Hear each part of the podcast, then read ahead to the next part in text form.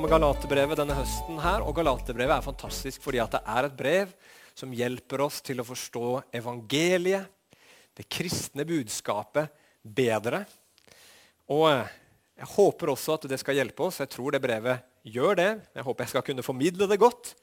At det er et brev som også viser oss hva det derfor betyr å leve som et menneske både framfor Gud, framfor hverandre i menigheten og i verden. Og I dag så blir det litt dramatikk, for i dag så skal vi høre om en konfrontasjon som fant sted i en by som på den tiden het Antiokia. Ja, den byen eksisterer en dag i dag, heter Antakia. Antakia, og Den ligger i Tyrkia, helt på grensen til Syria. Men dette her var jo 2000 år siden. Da var det Antiokia. og Her oppstår det en konflikt mellom Peter, som ikke ville spise sammen med de kristne, som ikke var av jødisk bakgrunn, eller iallfall levde etter de jødiske reglene, og Paulus, som mente at Peter var en hykler. Så i dag så hadde jeg tenkt å snakke om at vi eh, ikke skal være en hykler som Peter. Det er første eh, punktet mitt. Punkt nummer to er 'vær modig som Paulus'. Og eh, punkt nummer tre er 'hvordan Jesus frelser feiginger'. Og Tittelen i dag er 'Å leve for ham som elsket oss'. Og Som dere ser her på skjermen, så skal vi til Galaterbrevet, kapittel 2, og vers 11-21 i dag. Og eh, Slå gjerne opp og les sammen med meg her. Der står det Da Peter var kommet til Antiokia, motsa jeg ham rett opp i ansiktet fordi det var grunn til å klandre ham. For før det kom noen fra Jakob, pleide han å spise sammen med hedningefolkene. Men da de kom, trakk han seg tilbake og skilte seg fra, seg fra dem av frykt for dem som var av omskjærelsen. De andre jødene hyklet også sammen med ham, slik at til og med Barnabas, Barnabas ble revet med av hykleriet deres. Men da jeg så at det ikke gikk rett fram etter evangeliets sannhet, sa jeg til Peter foran alle sammen.: Hvis du som er jøde, lever på hedensk vis og ikke på jødisk, hvorfor tvinger du da hedningene til å leve på jødisk vis? Visst er vi av naturen jøder og ikke syndere av hedningefolk. Men fordi vi vet at mennesket ikke blir rettferdiggjort av lovgjerninger, men bare ved tro på Jesus Kristus, så trodde også vi på Kristus Jesus for at vi skulle bli rettferdiggjort ved tro på Kristus og ikke av lovgjerninger. For av lovgjerninger blir ikke noe menneske rettferdiggjort. Men hvis også vi selv blir funnet å være syndere mens vi søker å bli rettferdiggjort i Kristus, er Kristus av den grunn en syndens tjener? Langt derifra. For om jeg bygger opp igjen dette som jeg rev ned, da gjør jeg meg selv til en lovbryter. For ved loven døde jeg for loven for at jeg skulle leve for Gud. Jeg er blitt korsfestet med Kristus. Det er ikke lenger jeg som lever, men Kristus lever i meg. Og det livet som jeg nå lever her i kroppen, lever jeg i tro på Guds sønn, han som elsket meg og ga seg selv for meg. Jeg forkaster ikke Guds nåde, for om rettferdighet kommer ved loven, så døde altså Kristus forgjeves. Ja, far, Herre, vi bare ber Jesu navn om at du må åpne Skriftene for oss i dag. Herre, hjelp meg å tale som ditt ord, Gud. Ikke la det være mine ord og mine tanker, Herre, men la det være i tråd med det du åpenbarer her, Jesus. Og Du ser denne skriften og denne teksten har deler som er vanskelig å forstå. Jeg bare ber om at jeg ved din nåde, Herre, må få, nåde, må få legge fram det som du vil at skal komme fram gjennom den teksten her. I Jesu navn. Amen. Ok, Vi begynner her. vi. Ikke vær en hykler som Peter. En av grunnene til at jeg tror at Bibelen er sann, at den inneholder sånne episoder sånn som det her, hvor de som liksom skal være heltene i Bibelen, framstår i ganske så dårlig lys, ganske pinlige situasjoner, hvor de rett og slett tabber seg ut. Hvis du skulle lage en bok og finne på en bok som liksom skulle få mange til å følge den, så, så setter du liksom ikke heltene i dårlig lys hele veien.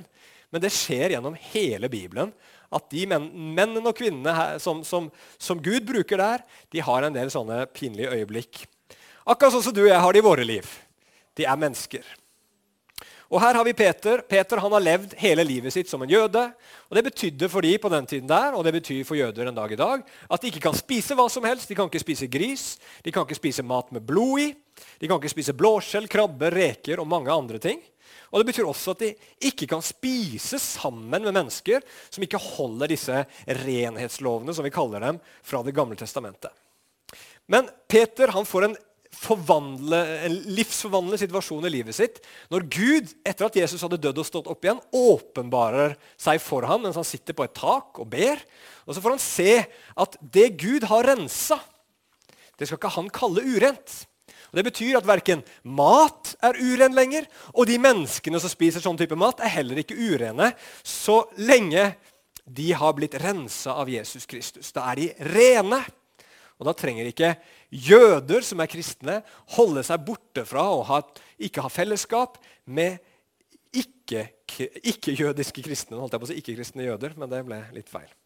Så det som er begynnelsen av historien, her, det er at Peter han sitter til bords i Antiokia med sånne hedningekristne og spiser pølse. Eller et eller annet. vi vet ikke helt hva. Nei, det er ikke sikkert han spiser pølse, Men han satt i hvert fall der og hadde bofellesskap med dem. Han koser seg.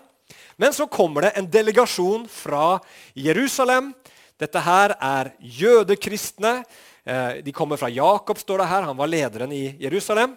Og Der var de tydeligvis veldig nøye da, på å leve etter disse renhetsforskriftene. Eh, og Det betydde også da blant annet at når de kommer til Antiokia, og skal være her, at de setter seg på sitt eget bord og vil ikke spise sammen med de hedningekristne. Hva gjør Peter da? Jo, ifølge Paulus så blir Peter her en hykler.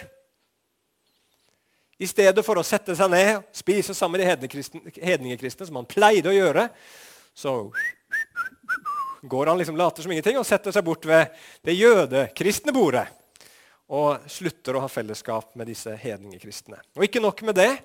Det er flere som følger etter. De plystrer litt alle sammen, og plutselig sitter alle de med jødisk bakgrunn rundt bordet med Peter og de andre fra Jerusalem, mens de hedningekristne sitter der borte. Til og med Barnabas, som var en av de store forkjemperne for at hedningene skulle få være kristne, han også havner på det der jødekristne bordet.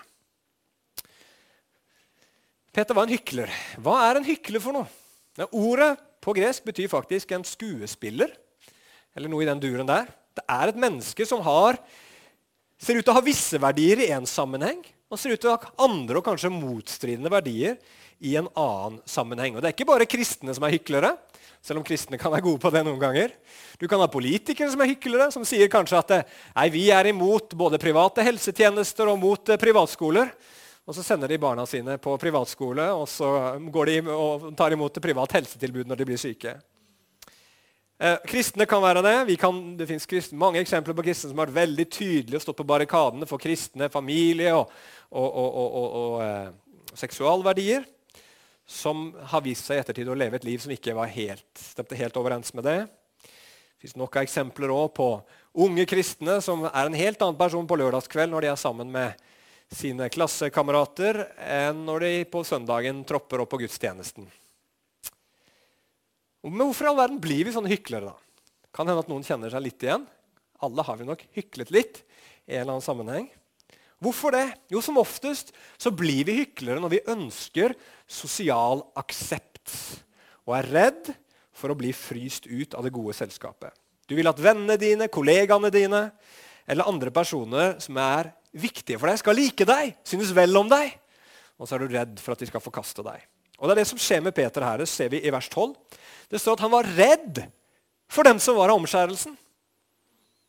Han tenkte at disse velrenommerte, liksom seriøse jødekristne her de bør jeg de, de, Jeg vil jo helst ikke at de skal snakke stygt om meg. Og kanskje tar de med seg ryktet om at jeg spiser pølse her med de hedningekristne i, i, i, Antiokia, og så får jeg et skikkelig dårlig rykte nede blant de som jeg vil at skal like meg og synes vel om meg. Et eller annet sånt skjedde. Og ikke nok med at eh, liksom, eh, han hykla, men det ble sånn gruppepressa da. ikke sant? At eh, flere slutta seg til. Og da blir det jo enda verre for de som står igjen. Det er utrolig vanskelig å bli stående når de som egentlig er enige med deg, ikke støtter deg. Eller kanskje til og med, fordi de vil beholde eh, sitt gode navn og rykte, sier det motsatte av det de egentlig mener. Da blir det krevende. Men eh, vi kan vel konkludere enkelt med at det er ikke noe god idé å være en hykler. Vi skal ikke være hyklere. Hyklere kan vi være på mange måter, som jeg allerede har nevnt. Og En annen måte å hykle på det er at vi framstiller våre liv som kristne så mye bedre enn det de egentlig er. Som at vi har ikke noe problem med det. Her går det bra, og barna mine er alltid snille og greie. og Hjemme hos oss så krangler jeg aldri med Rebekka. Og det er helt sant, altså. Nei, det er ikke helt sant. Vi krangla i fjor. Nei da. Nei, vet du hva? Nei da. Vi krangler mye oftere enn det, dessverre. Vi jobber med saken. Men vet du hva? en av de vanligste grunnene til at mennesker ikke, eh, eller blir litt sånn frastøtt når det gjelder kristen tro, det er nettopp det at de opplever kristne som hyklere. Så la oss ikke være hyklere. Men har du vært en hykler, så ikke bli altfor fortvila heller, for du er i godt selskap. Selveste sjefsapostelen Peter. Til og med han svikta en gang på dette området, som vi ser her. Det kan vende om, ja. Og heller være modige som Paulus. Det er viktig når vi leser Bibelen å forstå det at de personene du møter i Bibelen, ikke alltid er gode eksempler. Noen ganger er de gode eksempler, andre ganger er de ikke gode eksempler. Mennesker gjør mye rart i Bibelen. Det er ikke alt vi skal følge etter. Det fins bare én person som du kan ha som et eksempel i absolutt alt han gjør, og han heter Jesus Kristus. Utover det så må du alltid stille deg spørsmålet lever den personen her i tråd med Guds ord. Er det denne personen gjør her, noe som skjer i tråd med Guds ord? Og Det er det Paulus også tenker her når han ser hvordan Peter oppfører seg. Han ser, som han selv sier til Peter, at Peter ikke går rett fram etter evangeliet. Han følger ikke det han tror på. Troen hans er én ting, og så gjør han noe annet. Og da kjenner Paulus på at han må reagere.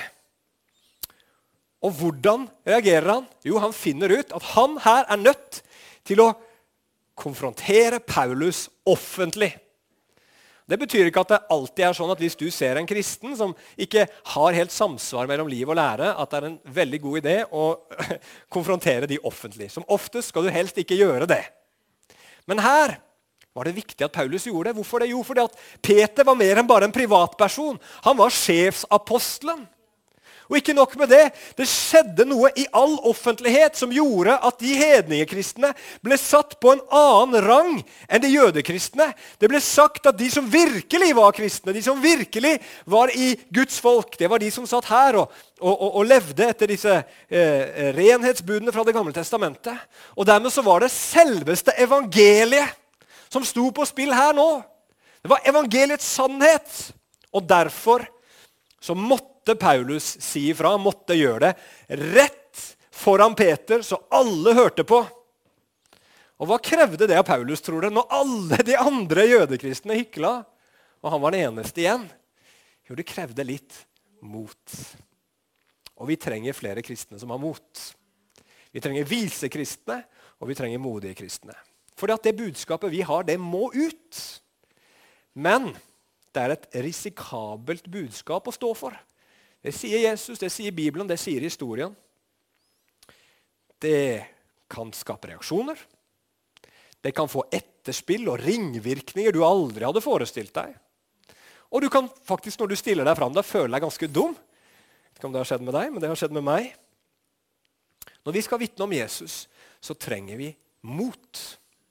Vi trenger mot.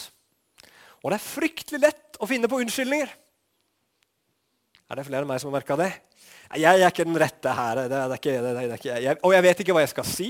Jeg er ikke flink til å, å, å tale, sånn som Moses sa. ikke sant? Og, og, hva om det blir en negativ reaksjon? Og, og hva om alle ler av meg? ikke sant? Vi kan finne på tusenvis av grunner til at ikke det var akkurat meg og deg som skulle gjøre det. Men er det sånn at en modig person alltid gjør det som skal gjøres fordi at han eller hun kjenner for det, eller ting legger seg til rette for det, eller virker som nå er det et passende øyeblikk for det. Nei, En modig person gjør det av den enkle grunn at det er rett, og det er sant, og det er godt, og noen trenger å høre det. Og ja, Jesus har sagt det. Amen. Så, så Paulus han sier det rett ut. Han, han sier rett ut, Du lever ikke i tråd med evangeliet akkurat nå. Den måten du oppfører deg på, du som ikke engang lever som en jøde til vanlig, du sier nå, du krever nå at disse hedningekristne nå plutselig må begynne å oppføre seg som jøder, de òg, for å bli frelst. Du går på tvers av det du egentlig tror, så vend deg om. Paulus han var modig, og la oss være som Paulus. Men så sier du kanskje men jeg er ikke modig. Jeg er redd for hva andre tenker og mener om meg. Og ikke nok med det, jeg har i grunnen nok bekymringer og uro i livet mitt som det er. Jeg har ikke noe sterkt ønske om å legge til enda mer. Og Sånn er det sikkert for, i større eller mindre grad for de aller fleste av oss. Men da er spørsmålet er det sånn du og jeg vil være. Vil vi være som Peter, eller vil vi være mer som Paulus? Jeg tror vi alle sammen ønsker å være mer som Paulus i den situasjonen her. Og da fins det gode nyheter. Og da kommer vi til det tredje punktet mitt hvordan Jesus frelser feiginger.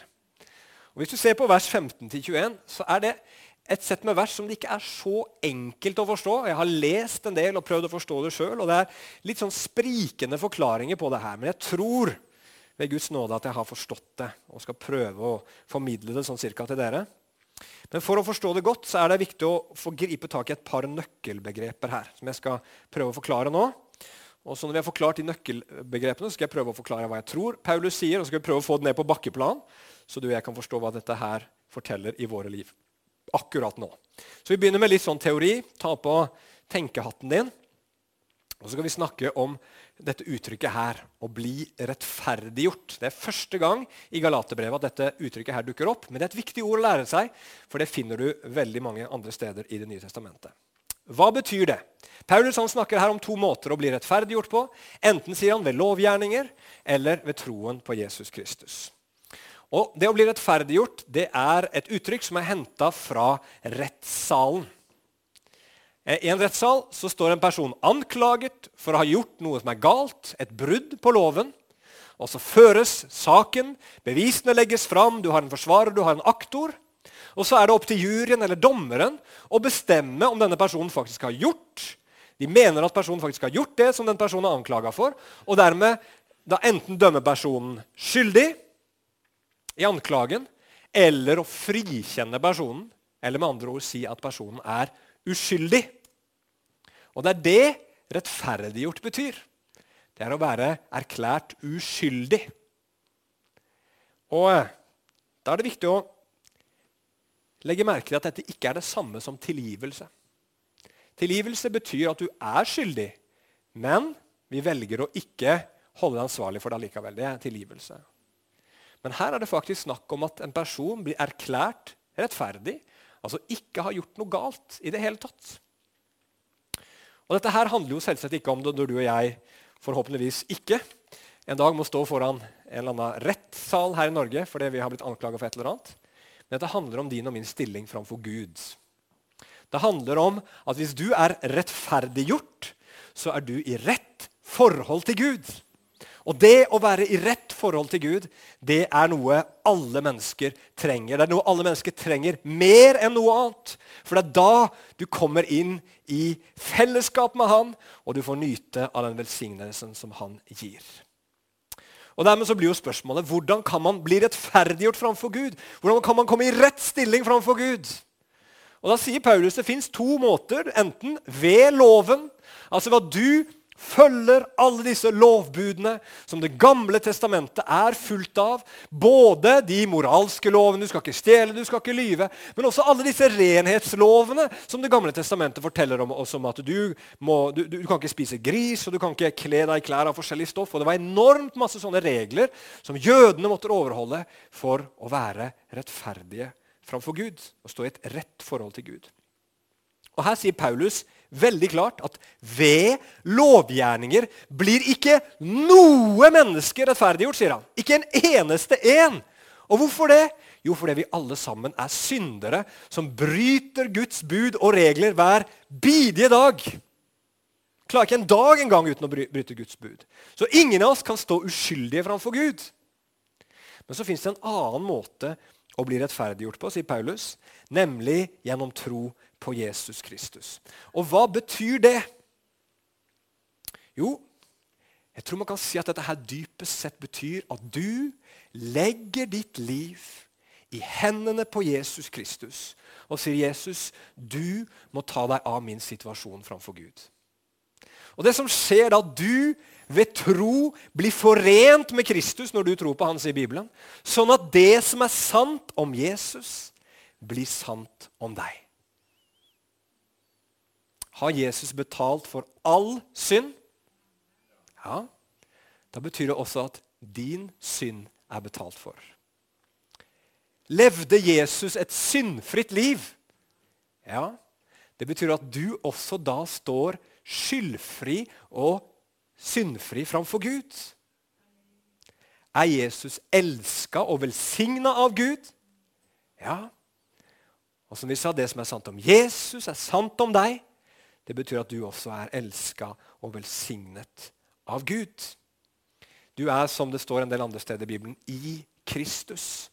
Han har blitt din identitet. Og da er du fullkomment akseptert av Gud. Du er helt rett med Gud uten å ha gjort noe for å fortjene det.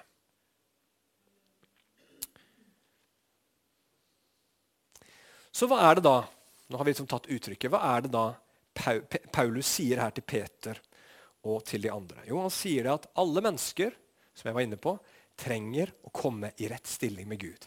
Det er det viktigste. Det er det du og jeg må være mest opptatt av. For det er det som er det avgjørende spørsmålet i absolutt alle menneskers liv. Men, sier han, hvis du skal prøve å gjøre det ved å følge loven, så er det helt umulig. Den eneste muligheten du har, er ved å legge vekk loven helt og fullt og stole helt og fullt på Jesus og det han har gjort. Det betyr at absolutt alt loven inneholder, om det er moralske bud, om det er eh, eh, eh, renhetsforskrifter eller hva det skulle være, alt sammen må du legge vekk. De skal ikke komme inn i forholdet ditt til Gud. Vekk med loven. Og da kommer det jo med en gang, som det alltid gjør når man sier noe sånt, en innvending. Og Det er det som, som, som Paulus svarer på her i vers 16 eller 17. eller hvor det er. Han sier, 'Gjør ikke det Jesus til en syndens tjener?' Hvis vi blir funnet å være syndere. Hvis vi jo synder når vi forsøker å bli rettferdiggjort ved tro, som han snakker om. Og På Luthers tid han, jo, han er en av de store som brakte dette fram rettferdiggjørelse av tro. Så var det en hertug, og han sa det at eh, denne læresetningen fra Luther det er en fantastisk læresetning å dø på, sa han. Men det er en forferdelig læresetning å leve etter. For Han mener jo det som, som, som du ofte kan høre mennesker si. Da. Ja, men Hvis det er sånn at du bare ved å stole på Jesus blir tilgitt all din synd og kommer i et rett forhold til Gud og får all velsignelse bare av nåde, så kan jo du bare i prinsippet leve sånn som du vil. Og du kommer antageligvis til å gjøre det også. Er det ikke bedre å ha nåde, ja, men også litt lov? Sånn at du får noe som motiverer deg til å leve rett. Og da svarer Paulus på ingen måte! sier han. Så sier han noe som er litt rart i vers 18 der. Det er heller sånn at det, når du bygger opp igjen det som du har brutt ned Og da snakker han tror jeg, om loven som en vei til frelse. Han sier at Hvis du prøver å ta loven tilbake igjen, bringe den inn i ditt forhold til Gud som en del av frelsen, da bryter du faktisk loven, sier han. Hva i all verden betyr det? Jo, fordi at lovens dypeste hensikt, grunnen til at Gud ga oss loven i Det gamle testamentet, det var ikke for å gi oss en vei til frelse, men som han sier i neste vers, at han ga oss loven for at vi skulle dø fra loven, sånn at vi kunne leve for Gud. Og i all verden betyr det? Jo, at loven den får bare gjort sin jobb i deg hvis du behandler den på en annen måte enn som en frelsesvei. Loven ble gitt for det første for at Israels folk og vi skulle se hvor fullkomment hellig Gud var, og hvordan et fullkomment hellig menneske ser ut. Loven ble gitt nummer to for å male i sterkest mulig farger hva det vil si å være forbanna fordi man ikke har holdt loven. Forbannelsen males ut i 5. Mosebok kapittel 28. Og så ble loven gitt for å forklare for israelsfolket at den eneste måten du kan nærme deg denne hellige Gud, som bor i et sted hvor han er innestengt og, og lukka inne i det aller helligste, det er ved at en annen, et dyr, må gyte ut sitt blod, må dø i ditt sted. Og jeg, verden er jeg prøver å si. Det er litt som volleyball. I volleyball så, så, så er det en ting som er veldig viktig, og det er at du får gode opplegg før smashen. Til volleyball så går ballen over nettet. Så er det en som tar imot, slår til en som står framme ved nettet. Og den personen har som ansvar å legge opp. Legger opp så godt som mulig, presist, bra, på rett plass. Og så er det en person som hopper opp, og så tar han smashen. Og så går ballen forhåpentligvis i gulvet på den andre siden, og så får man poeng. Og Det jeg påstår, det jeg mener, det er at Det gamle testamentet på mange måter er opplegget Det legger opp ballen, sånn at Jesus kan komme i Det nye testamentet og ta smashen. For da Jesus kom, så kunne alle jøder som kjente loven, se at den mannen her, han har levd et fullkomment liv. Da Jesus hang på korset og ropte ut under mørket fra Salme 22, 'Min Gud, min Gud, hvorfor har du forlatt meg?' så kunne alle jøder som kjente loven, se at her er en mann som er under Guds forbannelse. Og Da Jesus døde på korset og forhenget i tempelet revna, så kunne alle jøder som kjente loven, se at her er det noen som har ofra sitt liv for at veien inn til Gud skal bli åpna. Ser dere det, hvordan loven legger opp, forklarer alle disse tingene, og så kommer Jesus og oppfyller han alt det. Og så blir det som en smash som lager mål, og som gjør at vi seirer. Og Det Paulus sier her, at å behandle loven på noen annen måte enn det, etter at Jesus er kommet, er en synd og egentlig et brudd på loven sjøl. Men ok, problemet det består.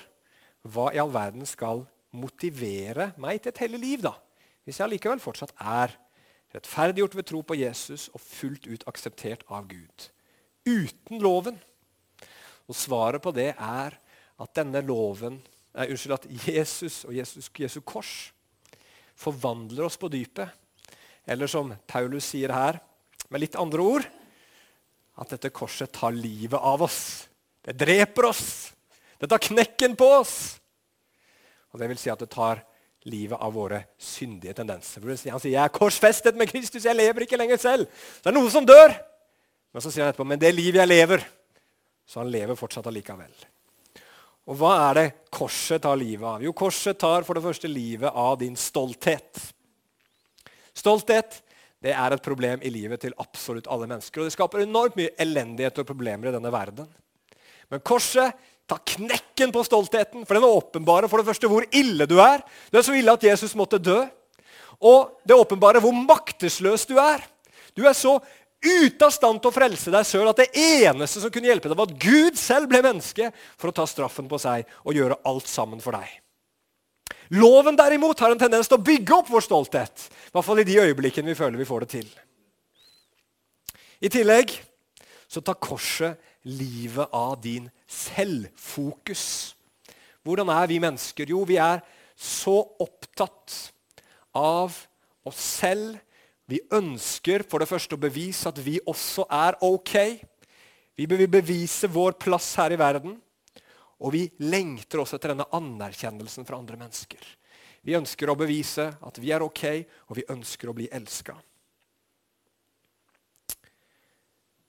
Men korset tar livet av det der behovet som vi går rundt hele veien. Bevise at 'jeg er god nok', og 'jeg fortjener kjærlighet'. Ved at korset åpenbarer to vidunderlige ting. For det første, når Jesus dør, så gjør han deg helt rettferdig. Nå har ikke du lenger noe å bevise. Det er ikke noe for Gud eller mennesker. Og ikke nok med det, når Jesus dør på korset, så åpenbares det, som vi leser her i, i, vers 20, at han, når han døde, så elska han meg og ga seg selv for meg. Korset åpenbarer Guds kjærlighet for deg. At du er så elska at Gud betalte den høyeste mulige pris for å redde deg. Den viktigste personen i universet liker deg, er glad i deg, aksepterer deg, tar imot deg. Og det tar knekken på dette selvfokuset. Loven derimot øker dette selvfokuset. På hvilken måte? Jo, for at Hvis du lever etter loven, så handler faktisk absolutt alt du gjør, om deg selv. Hvorfor gjør du gode gjerninger? Jo, fordi at jeg vil til himmelen. Hvorfor gjør du ikke det som er galt? Jo, fordi jeg vil til himmelen. Hvorfor ber du til Gud? Jo, for jeg vil til himmelen. Hvorfor går du på gudstjeneste? Jo, for jeg vil til himmelen. Hvorfor leser du Bibelen? Jo, fordi jeg vil til himmelen. Jeg, jeg, jeg, jeg. Ser dere det? Hvordan loven gjør oss mer egosentriske. Mens korset har motsatt effekt. Det tar livet av den der egosentrismen. Og ikke nok med det, korset tar livet av syndens makt. Fordi som vi sa i stad, det som er sant om Jesus, det er sant om meg. Og Når Jesus døde på korset, så sier Paulus her at han også ble korsfesta med Kristus. Og når Jesus sto opp igjen, så han også, sto han også opp igjen til et nytt liv. Det er viktig å forstå at når vi blir kristne, så skjer det noe mer. At vi går fra å ikke tro på Jesus til å begynne å tro på ham. Du blir forandra som menneske. Du blir en ny skapning. Du blir født på nytt. Du får et nytt hjerte, en ny vilje, en ny lengsel. Du vil leve for noe annet. Du vil leve for Gud.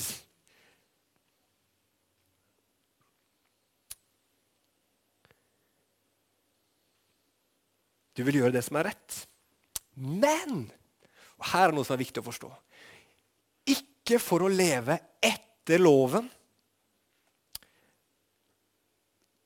Loven var helt ut. Den er du død for, står der. Du er død for loven. Men nå lever du for lovgiveren. For Jesus. Han som loven kommer ifra. Og Det er det det står i Romerne 7, vers 4. På samme måte, mine søsken, døde også dere bort fra loven. Jeg er døde fra loven ved Kristi, kors, Kristi kropp, unnskyld, for at dere skal tilhøre en annen. Han som ble oppreist fra de døde. For at vi skal bære frukt for Gud. Hva er det jeg mener med det her? Skal vi ikke leve etter de ti bud lenger? Jo, vi skal leve etter de ti bud. Men ikke først og fremst fordi de står i Det gamle testamentet, men fordi Jesus sier at vi ikke skal lyve, at vi ikke skal stjele, at vi ikke skal begjære, at vi ikke skal gjøre ondt vårt mot neste. Er dere med? Skal vi leve etter disse renhetslovene som står i Det gamle testamentet? Nei, de skal vi ikke leve etter. Hvorfor det? Fordi Jesus sier at vi ikke skal leve etter det. For han sier at det er ikke noe som går inn i kroppen som gjør et menneske urent. Det er det som går ut av kroppen. Og da står det vel i Markus erklærte han all mat for ren. Nå er jeg knyttet til Kristus, ikke til loven.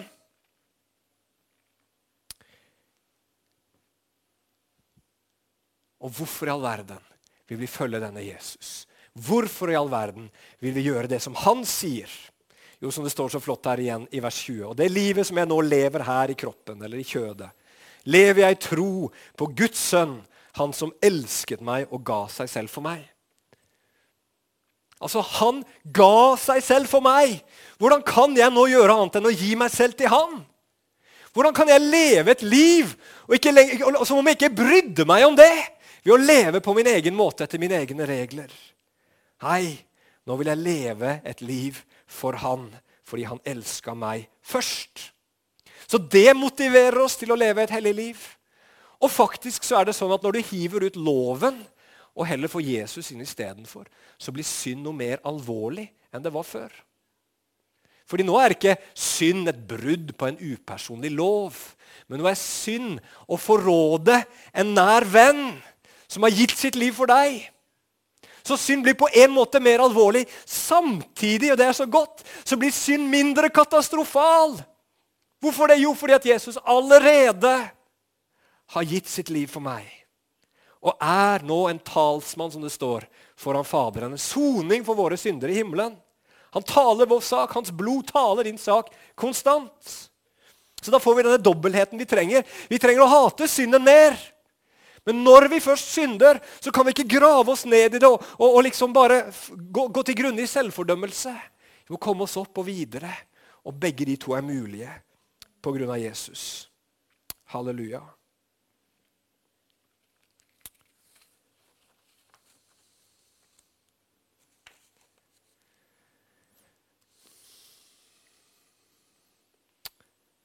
Så livet ditt, fordi Jesus har kjøpt deg, er nå for Jesus. For det er ingen som har elska deg sånn som han har elska deg. Og det er det, kjære venner, som gir oss mot til å være som Paulus var. Vi er feige hyklere fordi vi så gjerne vil bli likt av de som er viktige for oss, og vi vil ikke bli forkasta av dem. Men tenk på det, at den viktigste av alle han som du vil være på god fot med, mye mer enn noen andre. Gud, skaperen av himmel og jord. Han har fullt ut akseptert deg. Han har fullt ut elska deg og inkludert deg inn i sin familie, inn i sitt rike, fordi du tror på Jesus. Og vet du hva? Han kommer aldri til å forkaste deg. Han kommer aldri til å hive deg vekk. Han sier det så klart gang på gang i sitt ord. Han kommer aldri til å vende ryggen til oss. Du kan vende ryggen din til han, men han vil ikke vende ryggen sin til deg. Og hvis han elsker deg, og hvis han er der, hva kan da et menneske gjøre deg? Hva kan de gjøre med sine ord og sine holdninger og sine meninger? Da blir du fri. Og så er det så godt å se også at Jesus selv han ble forkasta på korset. Men han gjorde det for at vi skulle bli akseptert. Og da kan vi tåle å bli forkasta, vi òg. Da kan vi tåle motstand og vanskeligheter. Vi kan tåle å oppleve litt av det. Halleluja. Så det du og jeg trenger å gjøre, det Paulus prøver å si her å, det, det, er derfor det er så viktig for ham at det, det handler ikke om mat, først og fremst, men det handler om å få hele denne loven ut. For med en gang loven kommer inn, så slutter du å se på Jesus alene. Og så begynner du faktisk å se på deg selv. Og så begynner du å stole på deg sjøl. Du kan ikke ha både Jesus og loven. Du må ha enten det ene eller det andre. Og drar du loven inn i bildet, så blir plutselig Jesus til ingen nytte. For da handler det alt om deg. Og som vi hørte, så fører ikke det til et mindre hellig liv, men det fører til et mer hellig liv. Det er det som er så bra med det. Og det skjer ved at du og jeg ser på Jesus. Og så siterer vi, og det burde du lære deg utenat, Galaterbrevet 2,20. Lær av dette verset utenat og gå grunn på det hver eneste dag. Jeg er korsfesta med Kristus. Halleluja. Jeg lever ikke lenger selv, men Kristus lever i meg. Det liv jeg nå lever i kjødet, sier han. Hva husk på det.